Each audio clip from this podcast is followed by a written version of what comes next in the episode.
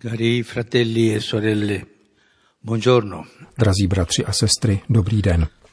V Abrahamově životě zazní z nenadání jistý hlas. Tento hlas jej volá, aby se vydal na cestu, která vypadá nesmyslně. Vybízí jej, aby odešel ze svojí vlasti, oddělil se od svých rodinných kořenů a vydal se k nové, jiné budoucnosti. Všechno na základě jediného příslibu, jemuž lze pouze důvěřovat.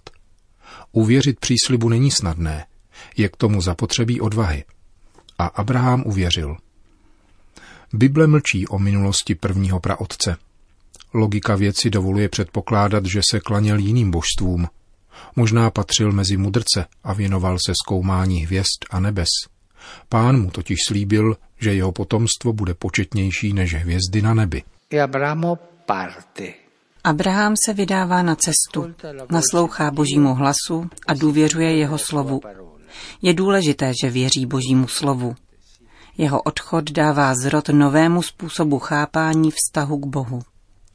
Z tohoto důvodu je praotec Abraham v různých duchovních tradicích, židovské, křesťanské a muslimské, považován za dokonalého božího muže, který je to podřídit se Bohu, ačkoliv jeho vůle působí dojmem strohosti, neli přímo nesrozumitelnosti. Abraham je tedy mužem slova. Když mluví Bůh, stává se člověk příjemcem jeho slova a lidský život místem, ve kterém se ono slovo dožaduje vtělení. Toto je v lidské religiozitě obrovská novost. Život věřícího začíná být chápán jako povolání, jako místo, kde se uskutečňuje příslip. Věřící se ve světě pohybuje ani ne tak pod tíží nějaké záhady, nýbrž silou příslibu, který se jednoho dne uskuteční. Abraham uvěřil božímu příslibu. Uvěřil a vydal se na cestu, aniž by věděl kam a jak praví list židům, důvěřoval. Četbou knihy Geneze objevujeme, že Abraham prožívá modlitbu v ustavičné věrnosti onomu slovu, kterému během cesty pravidelně přichází na mysl. V souhrnu můžeme říci, že v Abrahamově životě se víra stává dějem. Víra se stává děním. Abraham nás dokonce svým životem a příkladem učí cestě, na níž se víra stává dějinami. Bůh již není nazírán pouze v kosmických úkazech, jako vzdálený Bůh, který může nahánět hrůzu. Bůh Abrahamův se stává mým Bohem, Bohem mých osobních dějin. Vede moje kroky a neopouští mě. Je Bohem mých dnů, druhem mých peripetií, Bohem prozřetelnosti. Kladu otázku sobě i vám. Máme tuto zkušenost Boha, svého Boha, který doprovází, Boha svých dnů? Máme tuto zkušenost? Přemýšlejme o tom trochu. Tato Abrahamova zkušenost nachází svědectví také v jednom z nejoriginálnějších textů dějin spirituality. Memoriál Blaise Pascala začíná takto. Bůh Abrahamův, Bůh Izákův a Bůh Jakubův, nikoli Bůh filozofů a mudrců.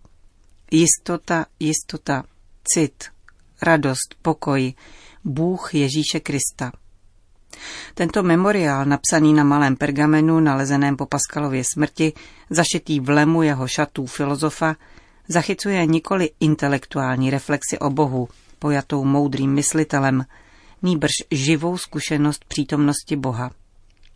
Pascal zaznamenává dokonce přesný okamžik, ve kterém onu skutečnost pocítil, když se s ní konečně setkal. Večer 23. listopadu 1654. Bůh není abstraktní či kosmický, nikoli. Je Bohem osoby, povolání. Bohem Abraháma, Bohem Izáka a Bohem Jakuba. Jistotou, pocitem a radostí. La preghiera di Abramo si esprime innanzitutto con azioni. Abrahamova modlitba je vyjádřena především činy. Je to člověk mlčení. Na každé zastávce staví oltář pánu. Abraham nestaví chrám nýbrž osazuje cestu kameny připomínajícími přejítí Boha. Bůh překvapuje, jako tehdy, kdy jej navštívil v podobě tří cizinců, které on i Sára v Lídně přijímají a obdrží od nich předpověď narození svého syna Izáka.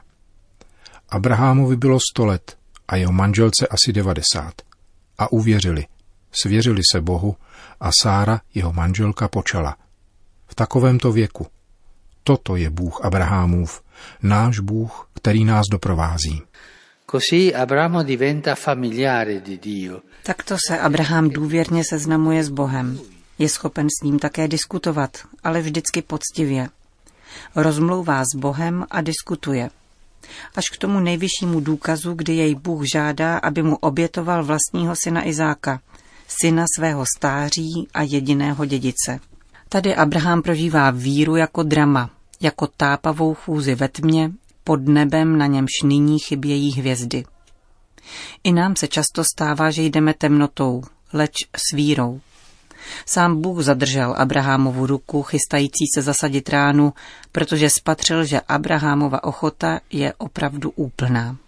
Fratelli sorelle, impariamo. Bratři a sestry, učme se od Abrahama modlit se s vírou, naslouchat pánu, kráčet, vést dialog, ba i diskutovat. Nemějme strach diskutovat s Bohem. Řeknu i věc, která se zdá poněkud heretickou. Často jsem od lidí slyšel, stalo se mi to a to, rozlobil jsem se na Boha. To je však také forma modlitby. Pouze dítě se totiž umí rozlobit na tatínka a pak znovu jít za ním. Učme se od Abraháma modlit se s vírou, vést dialog a diskutovat, ale vždycky s pohotovostí přijmout a splnit Boží slovo. Učme se mluvit s Bohem jako dítě se svým tatínkem, naslouchat, odpovědět, diskutovat. Avšak transparentně, jako dítě s otcem. Takové modlitbě nás učí Abraham. Così ci insegna Abramo a pregare.